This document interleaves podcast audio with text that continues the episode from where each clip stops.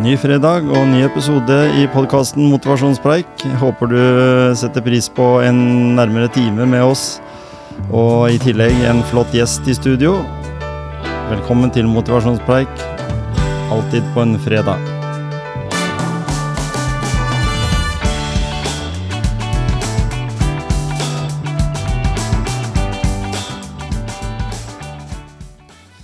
Ja, da er vi i gang igjen med en ny episode i Motivasjonspreik, vet du. Og denne episoden, den eh, kommer faktisk ut på lille julaften.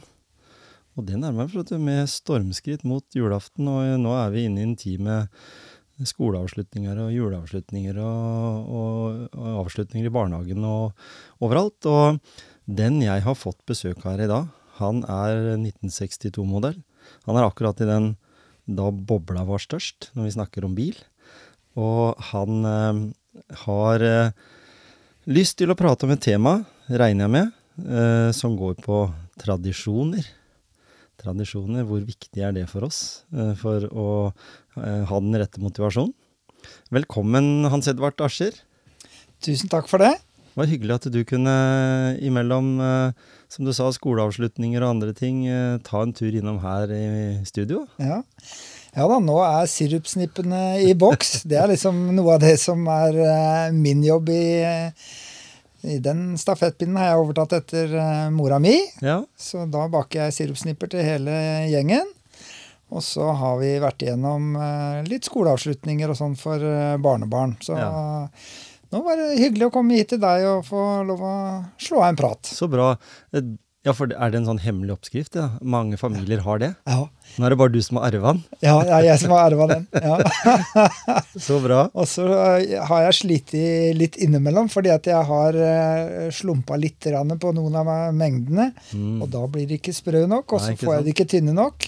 Men i år så er det, nå har jeg fått kjørt meg inn, så nå, nå sitter det. Så det, det er sånn vi gutter er, liksom. Vi tror at vi har oppskriften i huet, Ja. og vi kan ta det på øyemål. Ja. Men det er Begynner, nøyaktighet. begyn- begynner sånn veldig nøyaktig, Ja. og så plutselig så skeiner det litt ut. Ja, ikke og det kan straffe seg, ja. Det kan straffe seg. Du eh, har jo bodd mye av ditt voksne liv her i grenlandsområdet. Eh, men opprinnelig så er du ikke Du er ikke oppvokst her. Nei, det er jeg ikke. Jeg er faktisk født i Oslo. Mm. Eh, og når du snakker om bil, Ja. så var det jo sånn at når jeg ble født, da eh, var faren min eh, bilselger eh, i Oslo. En av de heftigste til å selge eh, først bruktbiler. Ja. Da var det mye amerikanere det gikk i. Mm. Og så etter hvert så solgte han Fiat. ja. Og så blei familien utfordra til å flytte til Lunde, hvor eh, mors eh, Altså mormor og hennes eh, søsken er fra Lunde. Mhm. Eh, og blei utfordra til å reise opp og overta en, eh, et strikkeri ja. i, i Lunde. Så jeg var bare en liten guttunge når vi flytta til Lunde. Men jeg husker, eh, husker litt fra Oslo, og, og ellers så har jeg oppveksten min i Lunde, da. Ja, ikke sant? Og det, det blei ikke bare strikkeri, for det blei vel noe uh, som hadde med betong å gjøre, fra når du var tiåring? tiåring? Ja. Sånn cirka? Det stemmer. Eh, så jeg er jo vokst opp i en svær søskenflokk. Vi er syv, eh, eller var syv søsken. Mhm. Eh, og jeg er midt i den flokken. Ja. så jeg vokste opp blant strikkemaskiner og ull og, og damene på strikkeriet. Mm. Og så parallelt med det så blei også Nobet, mm. Norsk Betongtrapp, etablert på den samme tomta. Eh, så faren min var litt sånn eh, gründer, da. Mm. Så, så jeg har liksom vokst opp med at uh, det er styremøter rundt uh, kjøkkenbordet, og, og onkler og morfar og hele pakka Ja. Eh, var liksom involvert i disse virksomhetene. ja, for det var mye familiebedrift. Ja, det var det. Mm. Mm, Men, men da, da har du jo på en måte Er det, er det vært en inspirasjonskilde? Fordi når vi leser på, på nett om deg, da, så står det eh, 'norsk forretningsmann og lokalpolitiker', står det. Sånn heading. Ja. Ja. Har det gjort eh, noe med deg i forhold til det? For du har jo drevet mye Du er utdanna snekker, Mhm. Men du har jo drevet med mye mer annet enn akkurat snekring, sånn jeg kjenner deg i hvert fall. ja. Det har vært lite, lite snekring. Men det er klart at denne oppveksten har gjort noe med meg. Mm. Eh, den gjorde jo det med meg at når jeg eh, gikk i syvende klasse, så hendte det ikke så sjeldent at jeg møtte faren min på trappa når jeg skulle gå på skolen. Da kom han hjem fra jobb. Ja. Så det var vel ganske nøyaktig i en eller annen gang i syvende klasse at jeg bestemte meg for at jeg skulle ikke være forretningsmann. Jeg skulle ikke drive egen eh, virksomhet. Jeg skulle skaffe meg et håndverk. ja. Så det var bakgrunnen for at jeg eh, gikk snekkerveien. Mm. Men den oppveksten har nok prega meg så mye at eh, jeg kom liksom aldri eh, skikkelig i gang med håndverket før jeg plutselig satt som avdelingsleder eller eh, blei tatt eh, fordi jeg liksom kanskje så noen sammenhenger som eh, som eh, jeg hadde på en måte litt i ryggmargen, da. Ja, altså, du fikk noen egenskaper som på en Ja. måte var spesielt i forhold til det med at du, du hadde litt lange ører kanskje når det var styremøte på Ja. kjøkkenbordet, og du Ja. fikk liksom med deg litt av det med lederkultur. Gjorde nok det. Ja. Gjorde nok det, Og fikk selvfølgelig arbeidsgiversida av arbeidslivet litt. Mm. Uh, og så var det nok sånn at uh, både disse gamle tantene som dreiv strikkeriet før far overtok, eh, og, eh, og far eh, var opptatt av at det var viktig for folk å ha en jobb å gå til. Mm. Eh, og, og så ikke på det som eh, Så ikke lettvint på det å være arbeidsgiver. Nei, så det var liksom et ansvar, og eh, du hadde mange mennesker som du hadde ansvar at skulle få eh, brød på bordet, Mm. og, og klær til ungene og sånn. Mm. Så, så det, det har nok fulgt meg. At, Men, men hva var det som gjorde at det var lett å starte virksomheter i Lundetraktene? da? Var det på en måte noe vekst der, eller øh, hva var det som lå i det? Nei, det var, jo, det var jo egentlig ikke det. Nei? Eh, altså eh, Den, den, det tar i hvert fall 50 år tidligere, da, så var det trafikk på kanalen, og det var Ja. en, del, en del sånne ting. Men vi snakker liksom om de åra etter krigen og oppover der, så det må jo ha vært på en måte en hjørnesteinsbedrift, hvis en kan kalle det det. da. Ja, men det var, det, var det faktisk. Ja. Eh, og du kan si at, eh, at dette strikkeriet, da, mm, det var jo eh, Det var en som het Hans Nilsen Hauge, som var eh, eh, fra Østfold, og som var forkynner, og reiste rundt og hadde sånne husmøter rundt omkring. mm, Eh, men han var også en veldig, veldig gründer. Han la, eh, igangsatte veldig mye virksomheter. ja. Annet veverier og strikkerier og den type ting. Så han laga mye kvinnearbeidsplasser. Så han var egentlig ganske visjonær eh, type. Så det strikkeriet var nok en sånn mer eller mindre direkte konsekvens av det arbeidet han reiste rundt i landet og, og gjorde. ja. Og disse gamle tantene da, som aldri gifta seg, de, de var nok også eh, Ja, de blei på en måte hekta på det, både det han forkynte, Mm. eh, men også dette med å skape arbeidsplasser. Mm. Og han var vel egentlig veldig flink til å han, han, han skilte ikke mellom fattig og rik, Nei. har jeg lest. Så han var liksom eh, Han tok gjerne med straffedømt, og han var liksom Ja veldig sånn tolerant på hvem som fikk eh, delta på møtene. Ja, Han var det, vet du. Mm. Og han var også veldig opp... Eller, og det var jo ikke så vanlig den gangen å, å, og, tenke at kvinnene skulle ut i arbeidslivet og sånn. Så han var litt visjonær på det. Ja. Og han, eh, han fikk, fikk jo også smake eh, Og satt jo i fengsel en periode. Mm, og så videre. ikke sant? Det var strenge han- han var- regler for det ja. med men, men, men eh, da må jeg jo spørre, fordi nå er vi litt inne på det med jobb, da. Men eh, hva gjorde at du kom ned til Skien, da? Det Fordi det er jo her du kanskje har vært lengst Ja i ditt voksne liv? Absolutt. Så jeg har jo ikke bodd i Lunde etter at jeg reiste i militæret. Nei? som eh, 18-åring. Så, så Nei, hva som dro meg hit, det var Anne Kristin. Så enkelt er Det det. var kjærligheten? Ja, ja, ja. En Ja. nydelig jente fra Porsgrunn som uh, fanga oppmerksomheten. Ja, kom, kom til storbyen, vet du. Da, Ja, da skjedde det. Ja. Ja da. Så jeg har pendla først mm, fra Lunde til Skien på skole og jobb, Mhm. og så, og så har jeg pendla mye tilbake, fordi jeg overtok jo denne betongelementfabrikken etter hvert. Men uh, det var aldri aktuelt for Ann-Kristine og ungene å flytte til Lunde, så derfor så har jeg pendla. jeg kjørte 40 minutter Ja, isteden. ja, ja. Men, men da tenker jeg um, Du har jo et kristent livssyn. Mm.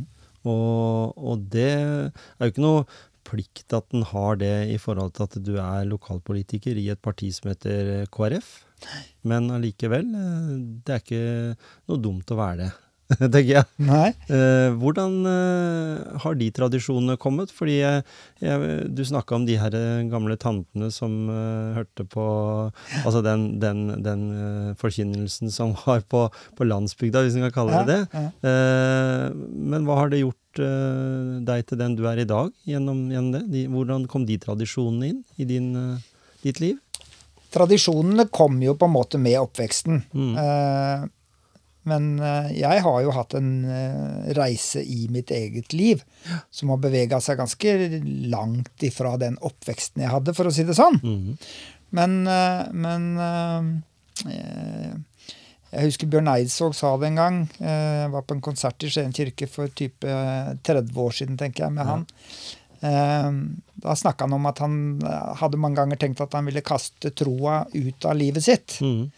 Men idet han sa det, så liksom oppdaga han at trua sitter som en gampestein i magen. Liksom den, er, den, den er en del av han. Mm. Og, og sånn er det nok med meg også. At, eh, at det, det har blitt en uh, Altså, jeg tok jo avstand fra det i ungdommen. Mm. Og så, og så fant jeg, mens jeg var i militæret, så, så fant jeg liksom dette gamle budskapet på en ny måte. Mm. Og det ble relevant for meg, da. Mm. Men kona di, er hun vokst opp i en kristen familie? Ja, ikke Mm. sant?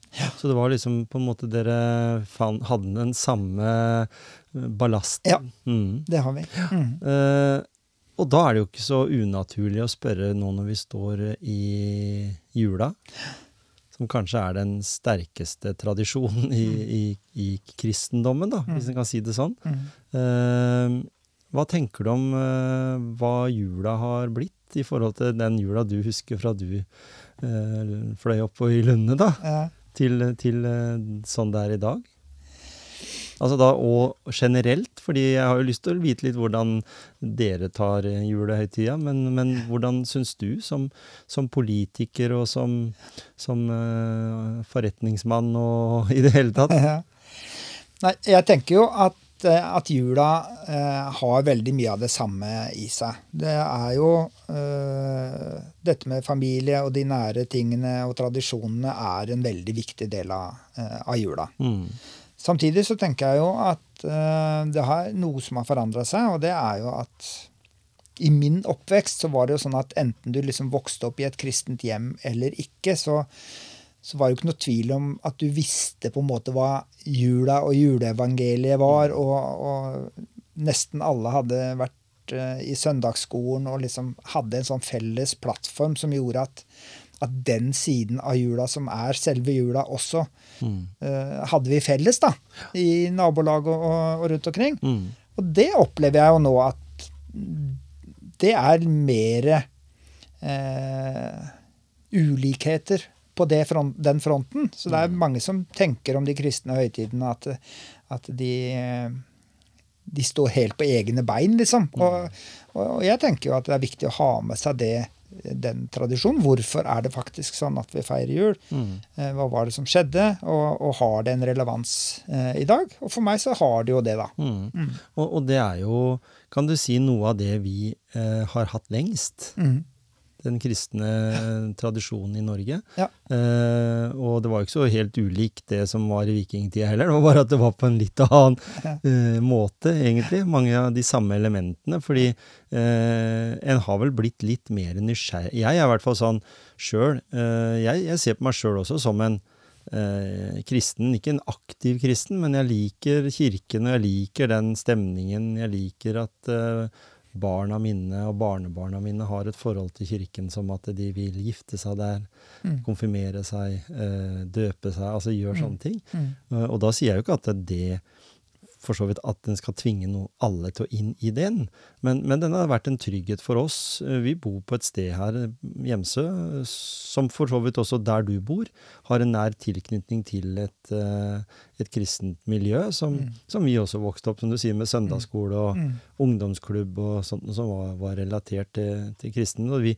så, så sånn, jeg får en god følelse når jeg tenker på det. Mm. Så tenker jeg at eh, er vi litt i ferd med å bryte opp Altså blir det viktigere å få iPad enn å gå i kirken? Eller, ja. eller, eller er den familiegreia, den roen, den, den, tryggheten i at familien møtes og, og sånn, i, i, tråd med det som egentlig skjedde, eh, er det, er det viktig for deg? At det fins de tradisjonene? For jeg regner med at dere har gode tradisjoner for det i familien? Mm. Eller er dere Dere er jo med barn og barnebarn hos dere også, så en blir jo dratt i flere retninger også. Ja, ja. ja jeg, jeg, tenker at eh, vi skal i hvert fall være obs på at eh, nasjonen vår er bygd opp på eh, et fundament av eh, kristne verdier mm. og, og, noen felles verdier. Mm. Eh, og så er ikke det det samme som at som du sier, vi skal på ingen måte tvinge noen til å være inn i det, men, men det å ha med seg den respekten for eh, tradisjonen vår, mm. og det at Personlig så tror jeg at, at, det grunnlaget er et veldig godt grunnlag å bygge mm. et samfunn på, da. Eh, og, og, jeg har på en måte ikke funnet noe religion eller noe system å bygge et samfunn på som, eh, som er bedre. Nei, eh, sant. Og, og, derfor så tenker jeg at, eh, at det kan bli litt sånn rotløst, da, hvis den, hvis den, kutter ut de røttene som faktisk mm. samfunnet vårt har stått veldig trygt og godt på. Mm. og så er det veldig mye ved mitt eget liv og med kristne mennesker som jeg Eh, må bare beklage at vi, at vi, er, vi, er, Folk er folk, og mennesker ja, ja. er mennesker. Men, men, jeg tror likevel det å ha et sånn noenlunde felles mm. plattform å, å, orientere seg ut ifra, det tror jeg er ganske bra. Mm. Men, men, tenker du det at uh, i dag så skal vi jo være veldig tolerante for andre religioner. Vi har ikke kristendom på skolen lenger, men det er tro og livssyn. Uh, vi vanner litt ut egen, en del av vår egen identitet, mm. tenker jeg. Og jeg syns det er liksom litt trist, uten at jeg eh, ikke mener at de som er muslimer, skal bli kristne. Men, men for det, det gjorde jo, var jo kampen for mm. noen mm. en tusen år siden, eller noe sånt. Eh, eller før det. Men skal vi være så ærlige og si at eh, mange mennesker i dag, de eh, finner mye godt gjennom det å bli kristne hvis du har hatt et vanskelig mm. liv. Mm. Eh, hvis du har vært eh, mye i fengsel, du har mm. kanskje eh, rusa deg mye, vært kriminell, mm. og så finner du, som du sier, du fant jo det når du var i militæret, andre finner det når de sitter inne i fengsel. Mm. Det treffer kanskje en veldig hyggelig prest eller, mm. eller eh, dameprest, eller mm. hvordan sier vi? Mm. Er det prest eller prestinne? Nei, det er ikke det. Nei, de er prest. Det er prest, ikke sant? Det er en sånn fellesbenevnelse. Ja, ja. Uh, og da tenker jeg det at Og jeg vet sjøl, fordi jeg jobber jo på Sykehuset Telemark, og vi har jo fått en ny prest der, en dame. Hun er jo kjempehyggelig. Mm. Hun har vel noe presteskap i blodet, tror jeg. Men allikevel eh, veldig ålreit og sier at jeg snakker gjerne med alle. Mm. Jeg føler ikke at jeg står med beina planta bare i den kristne tro, og ikke vil snakke med uh, muslimer eller andre som har an andre typer tro, da, men være en god samtalepartner. Mm. Da vil jeg jo tenke at en kristen i dag eh, møter jo veldig mange utfordringer eh, fordi eh, det er sånn at eh, i dag så skal du liksom, hvis du skal på fest, så skal du helst drikke alkohol, og så skal du eh, feste, og du skal gjøre alle de tinga bare for å være med i gjengen. Eh, mens hvis du har eh, kristen tro, og du har det, det synet på livet, så prioriterer du jo bort det noen ganger. Finner dine egne miljøer. Ja, Eh, og så tror jeg nok eh, der også så har nok mange kristne miljøer har jo på en måte myka opp litt i en del av de mm. tingene der sånn. Eh, så jeg tror nok i en del kristne miljøer så har man hatt fordommer mot de som på en måte står utafor de kristne miljøene, mm. og vice versa. Ikke sant? Og det er vel kanskje det jeg opplever litt i dag, at, at hvis vi som, som er kristne, åpner munn i enkelte sammenhenger, så blir vi liksom sett på som noen sånne tullinger da, som tror Mhm. på noe som er veldig forhistorisk og, og, og, og sånn. Mm. Uh, Så jeg tenker jo at uh, på samme måten som jeg skal respektere de som ikke er kristne, og respektere folk med et annet uh, livssyn, Mm. Eh, så forventer jo jeg, eller håper jeg, at eh, også vi som, eh, som tror på det som Norge har trodd på i Mm. over 1000 år, at vi også blir på en måte respektert for at det går fortsatt an å, å tro på dette her, og leve med det. Ikke sant? Og, og fortsatt så er jo den delen av nordmenn er jo, den er desidert størst. Mm. Selv om det er mange som melder Mm. seg ut av Mm. statskirken, så er det den, den gruppa som er Jeg vet ikke sånn statistikkmessig hvor mange, men det er fortsatt ganske mange som, som har det, det synet. Så en skal, er ikke en minoritet. Nei, en er ikke det. Eh, Selv om noen ganger så kan, man kan liksom oppleve at, eh, at, det, at det blir litt trangere på noen områder, men Mm. samtidig som liksom samfunnet blir mer, skal være mer tolerant i alle retninger, så, Mm. så kan det også virke som vi smalner inn litt. Ikke grann, sant? Ikke sant? Og så har vi litt lett for å gi litt etter, kanskje? At Ja, vi sier ja, at eh, ja, ja, vi kan droppe å ha kors på kirken fordi vi skal være litt greie, da. Altså. Mens alle andre kan jo gjøre akkurat som de vil. Vi er litt sånn. Og det, Eh, det syns jeg, jo- jeg er veldig rart. Veldig rart. fordi at eh, Hvis vi kommer til et muslimsk land, og sånt, så dekker vi oss til, og så gjør vi liksom det som forventes av oss der, og, og, og respekterer det, selv om ikke det betyr noe for oss personlig. liksom, Mm. så og, og det tenker jeg, altså det å slette ut vår tradisjon ved liksom å, å slåss mot eh, kors og, ja. og sånne ting, det, det, det overrasker meg litt. Samtidig som jeg tenker at eh, det har nok kanskje bestandig vært sånn at, eh, at det er noen som eh, At det stikker på en eller annen måte, da. Jeg vet Ikke sant? Ja. Og, og, og når vi da får, Nå hopper vi litt, men når vi går tilbake igjen til de tantene dine da, oppe i Lunde, Mm. så, så er det vel kanskje Jeg vet ikke om akkurat de gjorde det, men i hvert fall den generasjonen der eller eldre, de brukte jo skaut. Så det var jo på en måte De dekte seg til. Så, så det har jo vi på en måte løsna litt. Så det har vært veldig, blitt mye liberalisering i, i kirken på veldig kort tid.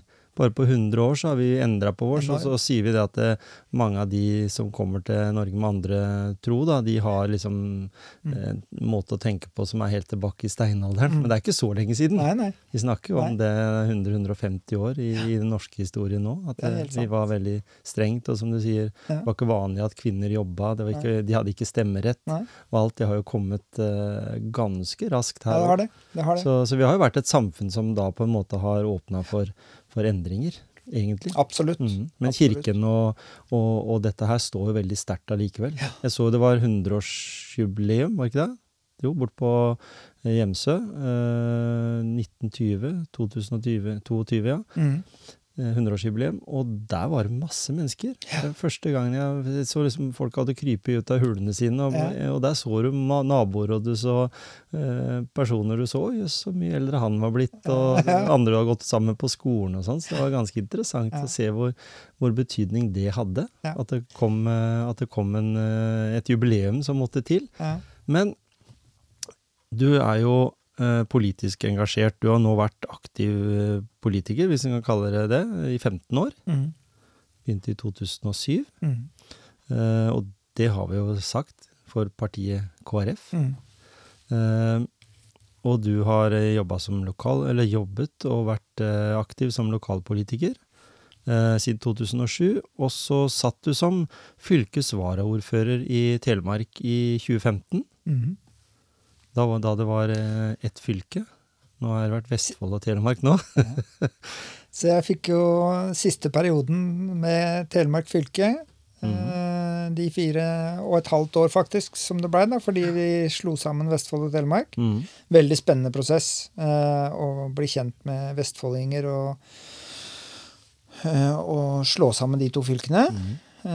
Og nå har vi jo da er det jo da bestemt, flertallet har bestemt, at vi skal splittes opp igjen.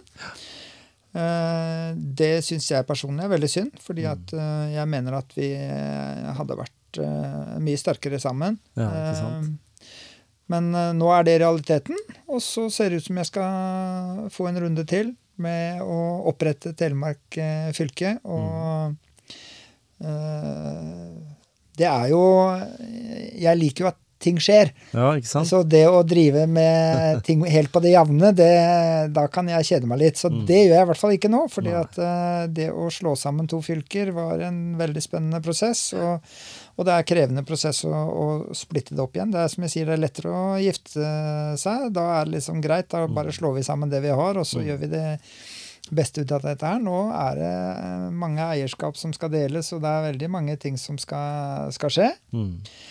Det er vel så, vel så strabasiøs eh, ferd det du begir deg inn på nå. Ja, det er det. Fordi nå er du valgt som fylkestingsgruppeleder for KrF. Ja. Eh, hva nå da med lokalpolitikeren Hans Edvard, da? Det blir ikke så veldig mye lo lokalt, for, for nå kan Nei. du jo ende opp på tinget, du.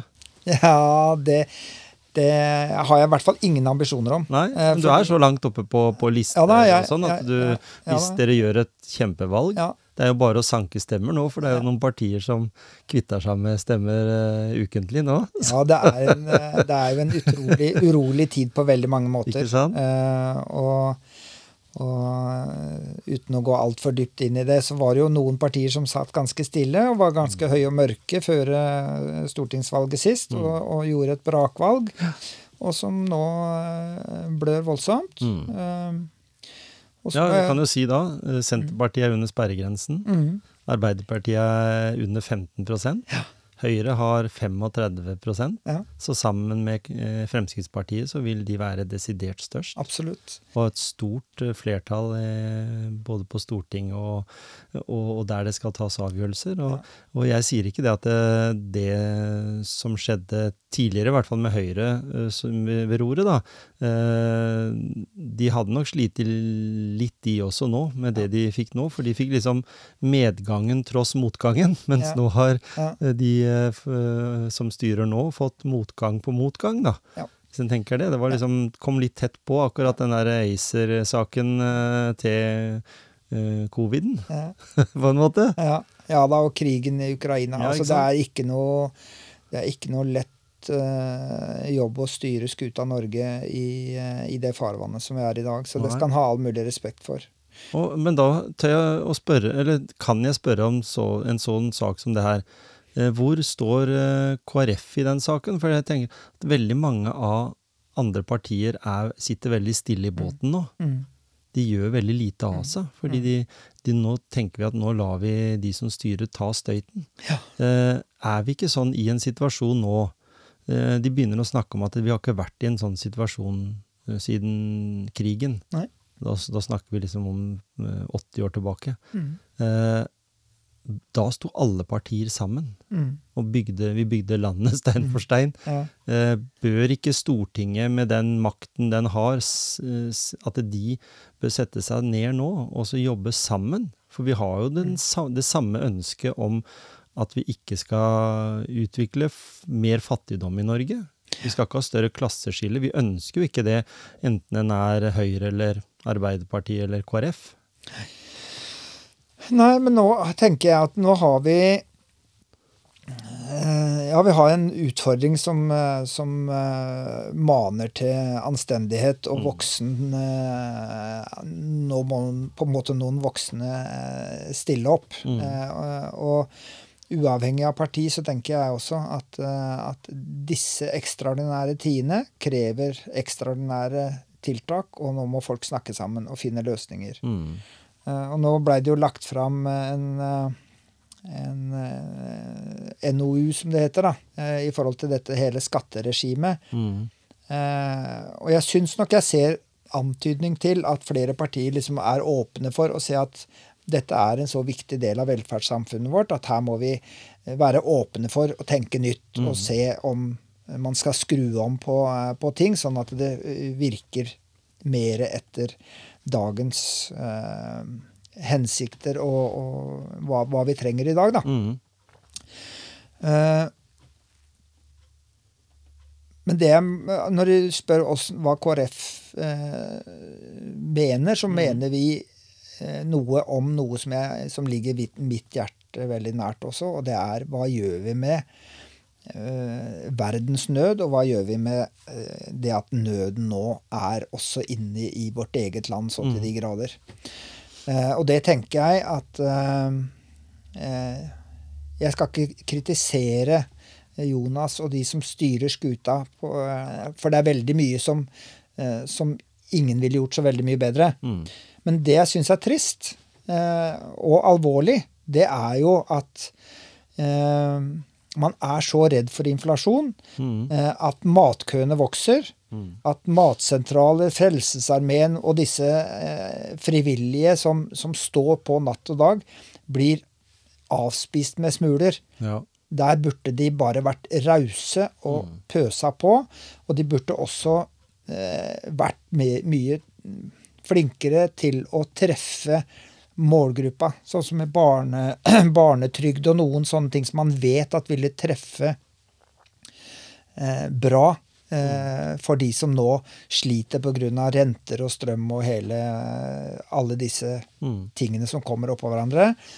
Eh, der mener jeg inflasjon og blårusspolitikk kan ikke eh, stå i veien for eh, Eller vi kan ikke lukke hjertene våre for de som sliter. Eh, og det, det tenker jeg at det Der eh, påhviler det regjeringa og Stortinget nå å, mm. snakke sammen og bli enige om at noe må vi gjøre, for vi kan ikke ha det sånn at folk må opp midt på natta for å trekke kølapper for å få en uh, matpose uh, utpå formiddagen dagen etter.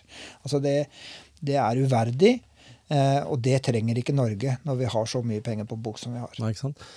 Og jeg vil jo si det at eh, selv om det har vært uroligheter i ledelsen i partiet du representerer også, Mm. så, så har det i hvert fall vært eh, veldig på familiefokus. Mm. Det syns jeg de har vært i flere perioder. Mm. Altså De kom jo med kontantstøtten, Mm. og han har jobba veldig for det med barnetrygden. Og, og, og, og når du sier det her nå, så, så jeg også er jo, føler meg veldig trist hver gang jeg åpner avisa og ser at eh, Frelsesarmeen eh, har hatt en økning på 325 prosent, og, og de her eh, Kirkens Bymisjon sier, snakker om rundt 300 Mm. og Hedda Foss Five sto vel fram i avisa i dag, eh, ordføreren i Skien, og sier at eh, det er synd å se at det er så lange køer og, Mm. og sånn, og så, og så får de bare 20 millioner å fordele mellom seg. Mm. Eh, det som vel er kanskje det som jeg er mest imponert over, er alle de som bidrar, Mm. som jobber eh, veldig for det. Og, og de eh, kjøpmennene og andre som deler med seg av det de har Mm. til over, selv om de, de har ikke hatt eh, gode tider, de heller, i perioder. Men, eh, men allikevel, for de merker jo nedgang i at folk Mm. handler mindre, Mm. eh, og gir heller da til eh, de som, for å, som står i kø, da. Mm. Jeg leste vel her at det var eh, noen som sto i kø fra tre på natta for å få en sånn bong eller noe sånt, Mm. sånn at de kunne være med på å få mat ved ellevetida eller noe sånt. Det er jo et utrolig rart i et av verdens rikeste land. Ja. Jeg syns nesten jeg bare må riste på hodet, akkurat Ja. som du gjør nå. Ja. Bare At det er mulig at Ja. det kan skje. Ja. Og det, det er jo klart, som du sier, det har med krigen å gjøre, det har med energisituasjonen, men, men jeg vet ikke. Vi skal, vi skal ikke prate hele denne kvelden her om, eh, om um, eh, denne her med, med elendigheten som er. Men allikevel er det litt interessant å tenke om situasjonen ville vært noe annet hvis de som styrer hadde sagt at det, som mange partier sa, 30 eller 50 øre makspris Mm. på strøm. Mm. For jeg tenker at hvis det hadde kommet inn og slått inn med en gang, Mm. Så ville kanskje ikke folk vært så opptatt av om bensinprisen gikk opp, eller om maten kosta litt mer. Fordi det har vært så ekstremt med, med økning i, i forbruk. For vi har ikke fått noe um, Vi har ikke fått noen mulighet til å endre oss. Det blir liksom akkurat som Odd, selv om ikke det er samme sammenligning. Fotballaget spiller eh, 4-3-3, Mm. og så får de beskjed fra én da til en annen at de skal spille 4-4-2. Ja, ikke sant? Ja, ikke sant? Ja. Og det er det som har skjedd. Vi har fått liksom kasta det på oss, og så Ja, ja, men det må vi jo tenke på. Nå må vi jo tenke miljø. Og ja, jeg er enig i det. Vi, på sikt må vi det. Men vi må ta det i et perspektiv à la fem til ti år. Ja. Eh, og det Jeg jobber med mennesker som sliter nå med boliglånet sitt, eh, Mm. og de har en bil på finansiering som har gått fra 8000 i måneden til 12 000 på, på bare noen måneder, liksom. Fordi det er høye renter i, allerede på, på type billån i forhold. Så, og en vil kjøre trygt, for en har barn, og en vil tenke økonomi i dette her. Men den, den, det har en ikke muligheten til nå. Nå må en spinke og spare. En må fyre opp møbler for å ha nok ved. Og en må, må handle i denne her halvprishylla hvis en er på butikken, eller kjøpe mindre sunn mat, da. Mm. Og det, og det Jeg tenker hva, hva tror du om det? Tror du det ville vært en annen inngangsport da, hvis, vi hadde, hvis staten tok den regninga fra dag én, og vi så at strømmen ville At vi kunne bare roe dere Slapp av nå, alle sammen. Vi har setter nå makspris 50 øre. Mm. Næringsliv, Mm. private, Mm. ferdig med det. Mm. Så ville ingen, da ville vi ikke kommet kanskje så veldig i den For det er jo strømmen som har knekt oss. Ja, og jeg tenker at eh, For det første så er jeg redd for at vi i løpet av vinteren, og hvis, er, hvis værmeldinga slår til at det blir, plutselig blir 20 kuldegrader nå, Mm. så er jeg redd for at vi kommer til å se tragedier som eh, ikke vi burde sett i Norge, for å si det sånn. Mm. Med mennesker som rett og slett ikke kan eh, holde varmen i sin egen eh, leilighet. Ikke sant? Eh, så, og det, det tenker jeg det er eh, både uverdig og, og helt uh, meningsløst og feil. Så, så privatkunder burde ha hatt en forutsigbarhet, uh, f.eks. på 50 øre. Mm. Og så er det en annen ting som bekymrer meg veldig. Og skal vi, men men det, er, det er veldig alvorlig at næringslivet i Norge Et av fortrinnene til næringslivet i Norge har jo vært en forutsigbarhet Mm. og lave energikostnader. Vi har bevilga oss veldig høy levestandard. Vanlige mennesker som har en jobb, eller eh, eh, familier som har to inntekter, har det jo veldig bra i Norge. Ja. Eh, og har hatt det helt fram til eh, nå, i hvert fall. ja. Eh, men den høye lønnskostnadene eh, og høye inntektene som vi har vent oss til, eh, har jo bl.a. vært mulig fordi eh, næringslivet har hatt eh, lave strømpriser. Mm.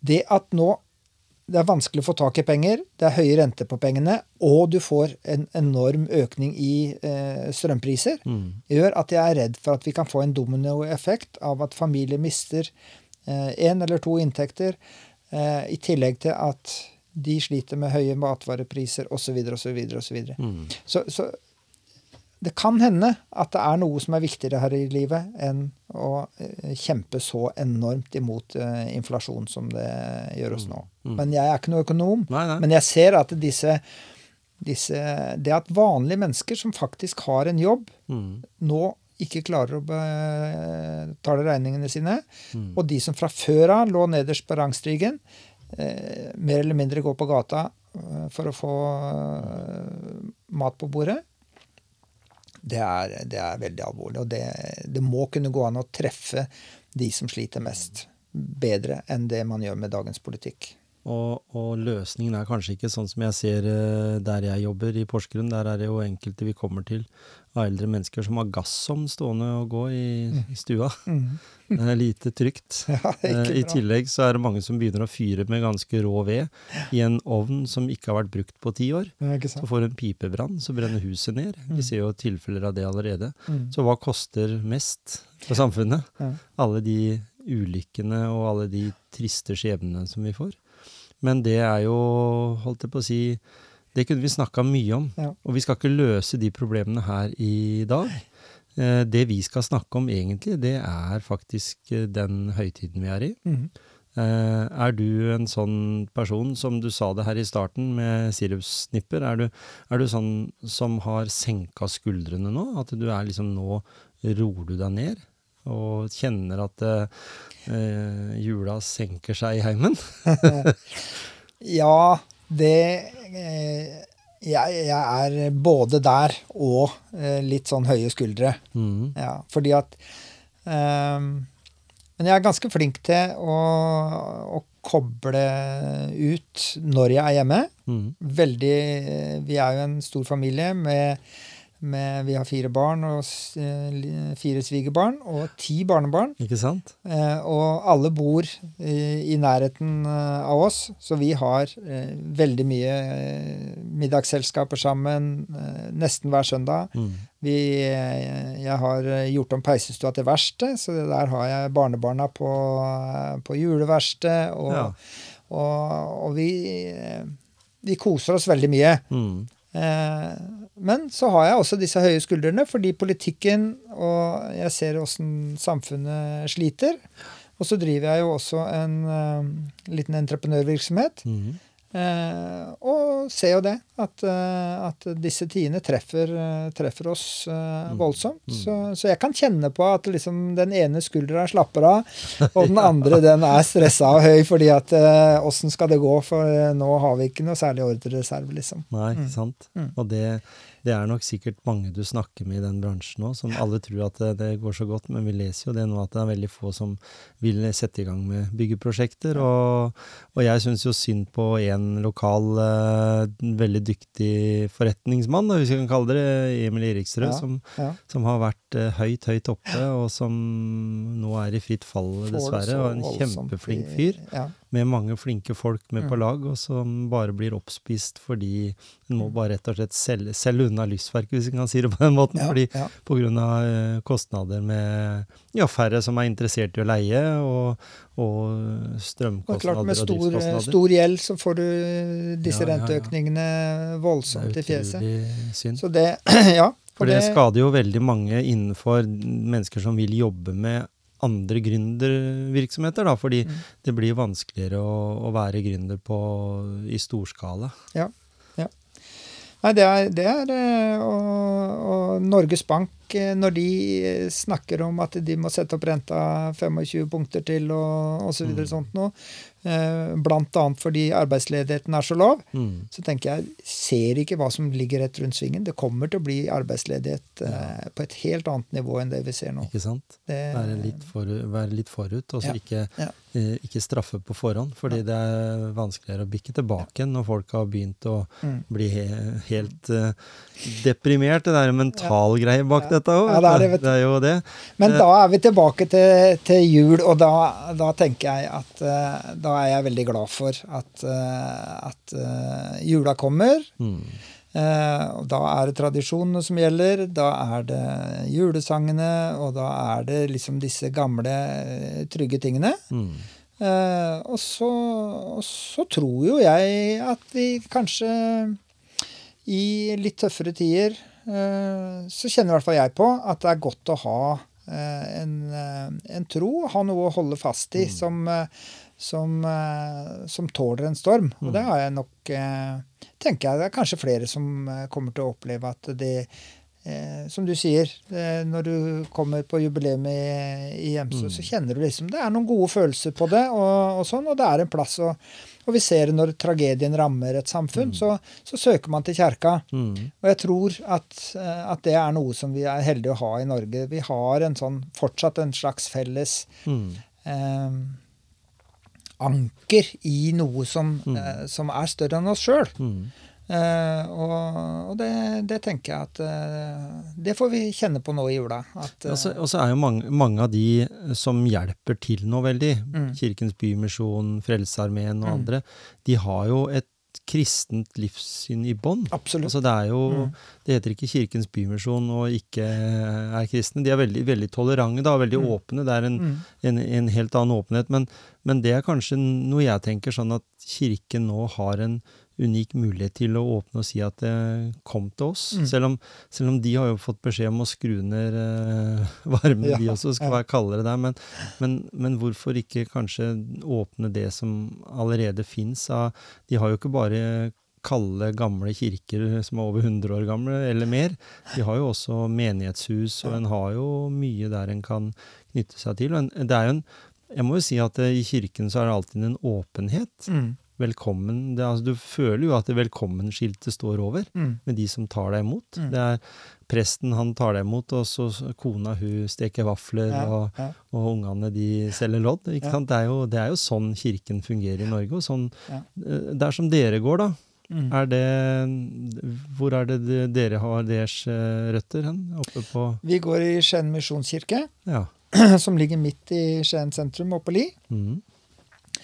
Eh, og opplever det veldig veldig ålreit. Der er det sånn flergenerasjon.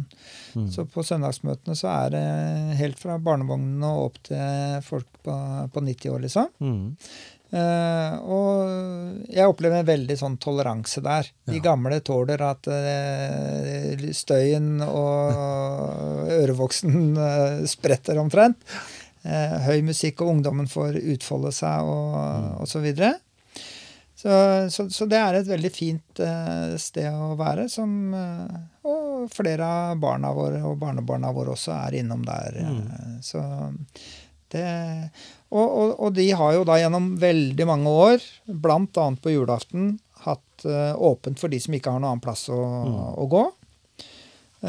Så nå i år så er det vel en av de andre menighetene i nærområdet som samarbeider om det og har det. ja. Men, eh, men eh, Så vi samler inn julegaver til de som ikke eh, får julegaver. Og, det, og det tenker jeg jo er noe. Alle kan gjøre litt. Mm. Alle som har litt til overs, kan, Mm. kan gjøre noe for noen. Og alle kan i hvert fall smile til de som sitter utafor kjøpesenteret og med koppen sin. Og en kan, en kan dele litt varme med Mm. hverandre.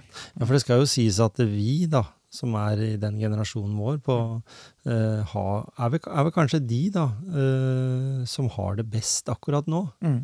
Uh, ikke fordi at jeg, jeg skal jo ikke gå rundt og skryte av det, men vi har betalt ned litt mer gjeld enn en andre har gjort. Og vi, vi ser at barna våre må jo få litt hjelp, da, hvis ikke de også er i den at de har vært heldige og Mm. begge mine barn har Der har begge jobb. Mm. Og de har på en måte, håper jeg i hvert fall, fått noen gode verdier fra heimen. Ja, ja. men, men i hvert fall det der også så, så gi gode eh, tilbakemeldinger, at, det, at en gjør gode valg. da. Mm.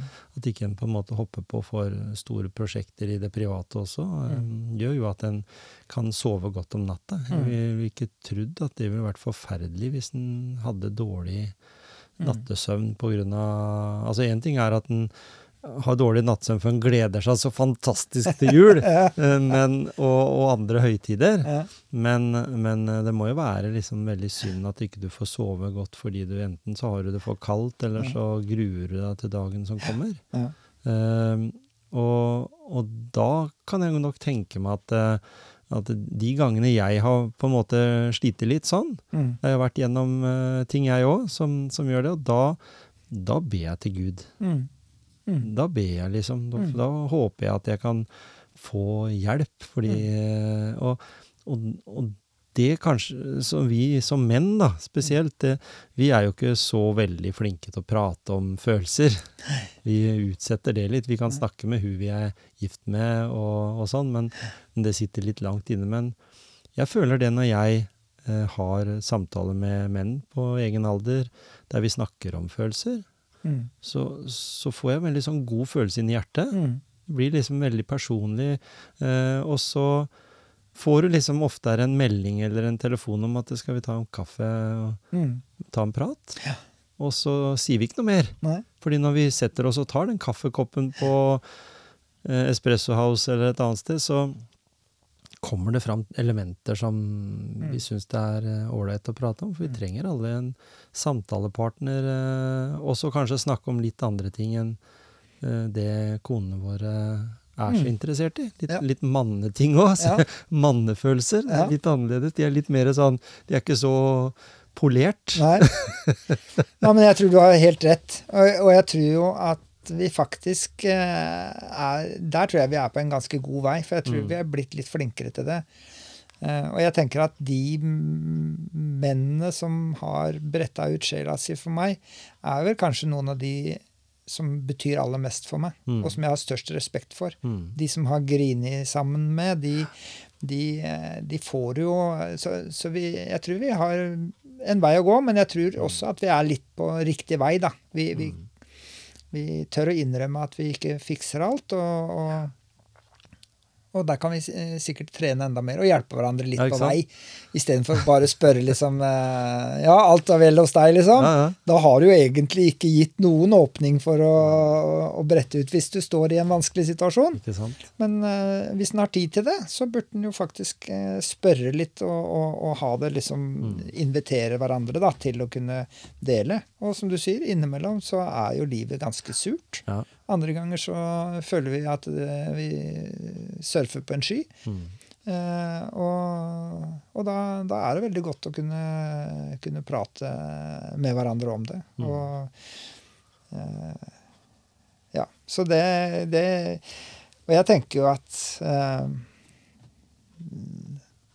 Gode, gode venner eh, Og som du sier, vi menn og, og, og damer, selv om det er selvfølgelig variasjoner her, men jeg, jeg tror vi, vi har et litt annet følelsesspekter, litt annen måte å kommunisere på. Og, og hvis vi skal sammen, så må det jo liksom være en vinklubb, eller det må være, liksom, det må være et tema, det må være noe i, i bånn der. Det kan ikke bare være for oss å prate sammen. Men som du sier, hvis du har noen som spør om du skal ta en kaffekopp, så, så er jo det nok, det. Mm. Rett og slett bare være være da sammen. går samtalen. Mm. Og så er det jo og så er vi jo kommet over den derre Jeg sier ikke det gjelder alle, for jeg kjenner jo noen som er der òg, men veldig mange vi, ja, vi er ikke ute etter å skryte lenger. Nei. Nei. Vi er liksom ferdig med den Ja. derre Ja. bragging-tida. Ja. Vi, vi trenger ikke å Vi er jo i, i en eh, La oss si vi er heterofile menn, da, som eh, i vår voksen alder, som eh, egentlig på en måte ikke eh, er noen forbilder lenger. Nei. Fordi alt fokus er jo på våre barns eh, menn. Eller, Ja, eller, ja, eller ja. de i den alderen der, da, som, som er i, i 20-30-åra. Vi, vi blir ikke prioritert på TV lenger, fordi det eneste vi ser, er Norge Rundt. Høre på P1 og Ja, ja, P1 pluss. ikke sant? Ja. Så vi har veldig tradisjoner. Og da er vi jo inne på det med tradisjoner, da. Fordi jeg har jo lyst til å komme med noen sånn her på mot slutten. eh, hva er det som eh, kan gjøres å motivere folk, for vi er jo motivasjonspreik, eh, for å tenke litt mer på det opprinnelige budskapet i julen, da. Mm. Fordi det kan ta litt av liksom når, eh, når det er iPhone og iPad som er på ønskelista, og, og mamma og pappa kjøper det, liksom, og, og sånn. Og, og du snakka om juleverksted. Mm. Eh, betyr liksom størrelsen på gaven veldig mye? Er det, jeg føler at det kanskje ikke er den beste delen av juletradisjonen, da, dette med størrelsen på gaven. Nei. Hvor er du enn der? Du, eh, vi har faktisk noen dragkamper eh, hjemme, hjemme hos meg. Eh, For jeg mener at vi kan tone det der sånn ganske betydelig ned. Mhm. Eh, og jeg syns jo det å eh, lage noen eh, dorullnisser og, og skjære ut noen ting som ungene kan lime sammen og, uh, og sånn, betyr noe. Og, og det, det er Det har blitt for mye fokus på uh, kostbare gaver, tenker jeg, da. Ja. Men når det gjelder å ta vare på jula, så tenker jeg at hva var det som skjedde? Jo, det var jo faktisk det at eh, det var et ungt par som, eh, som var ute eh, fordi myndighetene hadde krevd at de skulle eh, telles og skrives inn i et manntall, og så var det baby på gang. Mm.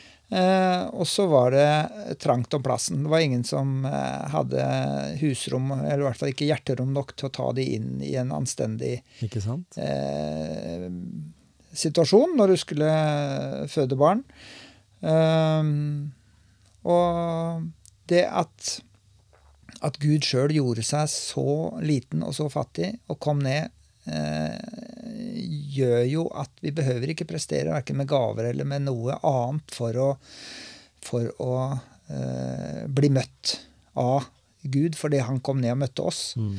Eh, og jeg tenker at det er en, en sånn viktig greie å ha med seg. da, At, uh, at uh, om du ikke har råd til å kjøpe den fineste gaven, Kjenn i hjertet ditt hva du har lyst til å gjøre. Mm. Er å skrive et fint kort, sende en, en tekstmelding til noen Mm. som du tenker på. Altså, jeg tror sånne ting kan bety veldig mye mer enn om du flesker til med, med de største og fineste gavene. Mm. Det var det som eh, som jeg tenker at, at Gud gjorde. da. Han, han, Mm. han, han viste at det kommer ikke an på silke og, og, og gull og, og, og de fineste omgivelsene. Men, eh, men eh, inn i hverdagen, inn i livet vårt, er det plass for eh, medmenneskelighet, omtanke og kjærlighet. Og det, det er jo det som betyr noen ting. ja, Altså, og den, og den historien du forteller om det unge paret, da, Mm. den er jo veldig Den kan jo speiles i dag Ja. også, Veldig. i forhold til det. Og de var jo fattige, så de måtte jo på en måte få all den hjelpa de kunne til Mm. å kunne bygge opp det, Mm. det samme, eller den, den boligen de skulle ha eh, rundt seg til, til barnet sitt. Så det er Mm. klart at det, det, det viser jo at eh, jula egentlig ikke har et sånn fråtsebudskap. Nei. At det er eh, markedet som har endra det. Men eh, når du sier det der med juleverksted Mm. eh, Mange kunne sikkert senka skuldrene betraktelig hvis eh, det var nivået på det. Mm. Eh, jeg tenker sånne ting som hva kunne vært fine julegaver? da? Vi begynner jo å prate om det nå, at vi kanskje Altså, vi har jo gitt penger nå til Kirkens Bymisjon og andre sånn og redusert beløpet. Mm. Gått ned til en tredjedel av hva vi pleide å gi til Mm. hverandre. Mm. Eh, I tillegg så har vi sagt at eh, en kan gi opplevelser. Mm. Mm. Og det bør ikke være kino eller tur til Syden eller noe sånt, men det kan være en eh, oppi en eh, gapahuk Mm. med pølse, Ja, pølser og, og sånn. Bare sette av tida til det og, og bruke det, fordi det er så mye bra av det i nærmiljøet. Vi som Mm. bor i, i Grenland, vi har det fantastisk fra vi kan, eh, Den ene dagen så kan vi grille pølser på Mulevarde og isbade, og så kan Mm. vi reise opp til eh, Svanstul og stå på ski. Ja. Så vi har jo liksom ja, vi har, vi har det veldig bra innenfor Og det er, vi snakker om eh, 40 minutter Ja. imellom. Nei, vi er kjempeprivilegert sånn. Vi, Mm. har, vi har liksom alt innen eh, en times kjøring, så Mm. kan vi være ved sjøen og padle, eller vi kan være eh, på fjellet, liksom. Så, så det er eh, vi, vi har veldig mange muligheter, Mm. og eh, jeg tror jo Og jeg ser jo sånn eh, jeg kjøpte meg jo en gammel robåt. Jeg husker jo veldig Ja. godt at du tok meg imot når jeg hadde rodd eh, Telemarkskanalen. Det var veldig tok, hyggelig. eh, med, Du tok valgkampen din du, i robåt. Jeg Ja. glemmer det aldri. Nei, det var Det var veldig den hyggeligste frokosten jeg har hatt på, Ja, på det mange var, år. var veldig, veldig, veldig koselig. Det tenker jeg på stadig vekk. Mm. Eh, Men i den båten så har jeg hatt så fantastisk mange fine stunder med barn og barnebarn. Ja. Eh, Finne roa, sitte med et snøre, eh, ro ut på skattejakt på en øy eller noe sånt noe. Og jeg er helt overbevist om at den dagen de eh, skal oppsummere livet med bestefar, Ja. så var det ikke eh, hvor dyre gaver de fikk, men det var sånne opplevelser. Eh, Og for meg også så er det, det er kjempeviktig å ha kvalitetstid sammen med de som jeg er glad i. Jeg har jo akkurat det samme. Hvis du ser bak meg her, så har jeg losen. Eller Ja visst. fiskeren. Ja visst. Eh, Det bildet følger meg bestandig, Ja. fordi det er bestefaren min. Han tok meg med ut og lærte Jeg lærte å starte påhengsmotor, jeg lærte å kjøre båt. Jeg lærte å manøvrere og bruke grønne og røde Ja. eh, bøyer, og jeg lærte å fiske. Så når han, og han var ikke den som var sånn veldig kreativ når jula kom. Han satt stort sett bare i gyngestolen med pipa Ja. uh, i, i lusekofte, og han var satt sånn med sydvest og regntøy når vi var ute og kjørte båt. Han hadde hytte på Løveøya. Oh, ja. ja. Uh, vi kjørte båt fra Gråten her nede eh, og ut, ja. mens bestemora mi kjørte buss. Akkurat. De hadde ikke bil. Og når vi dro utover der, så lærte meg at når vi fiska, uansett hvor mye fisk vi fikk, så skulle de renses. Ja. Og de skulle fryses ned, eventuelt spises da. Eh, Så jeg husker noen ganger jeg hadde en kamerat på besøk, så pælma vi mye av fisken på veien inn, da, for vi visste at, som vi hadde fått. Mhm. For vi vis visste at hvis vi kom med all den fisken, så måtte vi rense den. Men det jeg ville fram til, var jo at han Husker jeg kjøpte ikke noen gaver, men han lagde Nå vet, husker jeg ikke hva den hette da, men vi hadde snøre på en sånn firkanta sak. Det var liksom tvinna rundt Ja, ja. den veien og den veien. Ja, Og den satt vi med på båten og slapp ut med lodd og kroker og alt. Fiska torsk, husker jeg. Den lagde han fra bånn av. ja.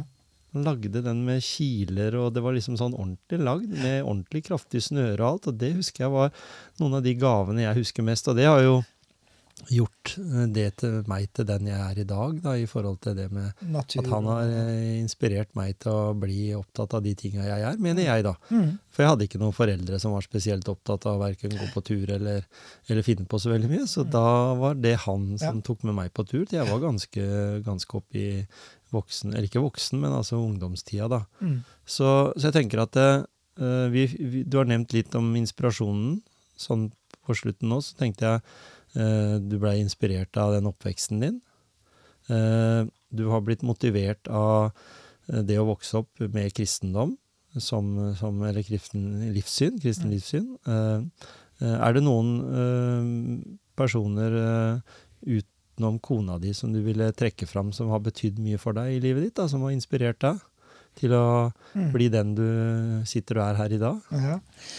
ja, det er jo faktisk en eh, nabokone. Det kan Mm. høres litt sånn floskelaktig ut, men, men sånn var det. Fordi, eh, som jeg nevnte, så var, vi syv søsken. Da, og mm. far jobba veldig mye. Og det var liksom ikke så fett. eh, og ikke så mye tid til alle, alle disse ungene. Nei?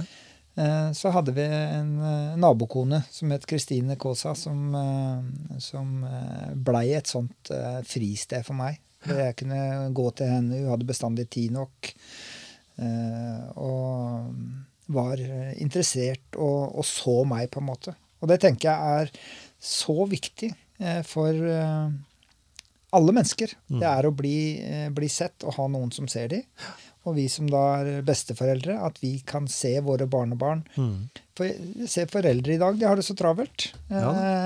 Så, så det, det ene mennesket som ser et eh, barn i oppveksten, kan gjøre en veldig stor forskjell. Mm. Og, og det å se noen, det koster jo ikke. Nei. Så, så det tenker jeg at har du litt tid til overs og ser en i nabolaget eller eh, et, eh, på fotballaget til barnebarnet eller til sønnen din som, eh, som, som du tenker at kanskje trenger å bli, bli sett litt ekstra og bli tatt Mm. med hjem for å spise middag eller sånt noe, så, så kan man gjøre en stor forskjell, faktisk. At det, at det blir enklere, og det er vel så viktig i dagens samfunn. Med Mm. alle de En blir bombardert av ting, og normen er satt på en helt annen måte enn det har vokst opp i dag enn, enn når vi vokste opp på 60- og 70-tallet. Ja, for at det var jo sånn eh, i min oppvekst i hvert fall, og faktisk også når vi hadde små unger sjøl, så var det jo flere av mødrene som var hjemme over lang Ikke sant? tid. Ikke sant? Eh, og ungene kunne leke i gata og, og bli fanga opp av nabokona hvis de, ikke foreldrene så de, holdt jeg på sagt. Ja. Men, eh, men eh, sånn er det jo ikke lenger. I dag så er jo både foreldre og besteforeldre alle er jo så opptatt med, med sitt. Mm. Men eh, det å senke krava litt, og så ta seg tid til å se, se noen rundt seg, det tror jeg er et mm. Det er en god investering for, for eh, framtida. En god investering, og det må være der vi finner motivasjonen inn i 2023, da, fordi Mm. Ja. det er jo ikke så lenge til. Ehm, og da havner vi liksom inn i en ny eh, tidsalder. Vi kommer til å ha med noen av problemene fra 2022, men vi må jo krysse fingre og tær og alt vi kan, og be til høyere makter om at eh, ting må bedre seg. Fordi en må vel anta at de som styrer dette landet, er interessert i å gjøre det til beste for folket. Det er jo helt Ja, klart. tror jeg. Jeg tror det er i beste mening, det er bare at jeg, jeg tror de er like svimle og forvirra som resten av folket nå på Ja. alt det som skjer. Så får vi håpe at de nede i Ukraina også får en eh, fin jul, at det går an å si at det, at det kanskje kan bli noen øyeblikk der som det, det, er, det er fred. Hvis vi hadde snakka med noen eldre som hadde opplevd krigen her i Norge, så vet de litt om hvordan de Mm. kan ha det der nede. For det var ikke så helt ulikt, egentlig. Nei, ikke sant? Nei, og det, en kan jo bli helt uh, motløs når en Mm. ser åssen det blir bomba sønder og sammen, og de har ikke varme, og det er uh, uh, Og så tenker jeg at da får vi gjøre det vi kan gjøre. Ja. Og da istedenfor å bli eh, paralysert og motløs. Mm. Så som jeg sier, eh, send eh, noen penger hvis du har noen penger. Mm. Eh, eh, se nabogutten eller se nabojenta, eller eh, er det noen gamle ensomme i området? Eh, stikk innom en liten blomsterbukett, et eller annet sånt, så kan det gjøre en stor forskjell. For noe må vi gjøre, og det gjør bra for den som tar imot, Mm. men det gjør også veldig godt for oss sjøl. Det varmer Ja. Så om, om det er litt kaldt og Ja. hutrig, så Ja. varmer det godt. Det gjør det. I hjertet til og med. Ja. Og kanskje det går an å dele noen sirupsnipper, da, vet du. Ja, ikke sant? Ja, Du har jo den perfekte oppskriften. ja, ja. Tusen takk for at du tok turen innom, og en riktig god jul. Det samme til deg. Takk for Riktig det. god jul. Takk for at du har lyttet på en ny episode fra Motivasjonspreik. Vi eh, håper at du også lytter til en av våre andre podkastepisoder som ligger ute på alle mulige avspillere. Velkommen tilbake neste fredag. Mitt navn er Tom Kjetil Olsen, og jeg har ledet deg gjennom denne podkasten.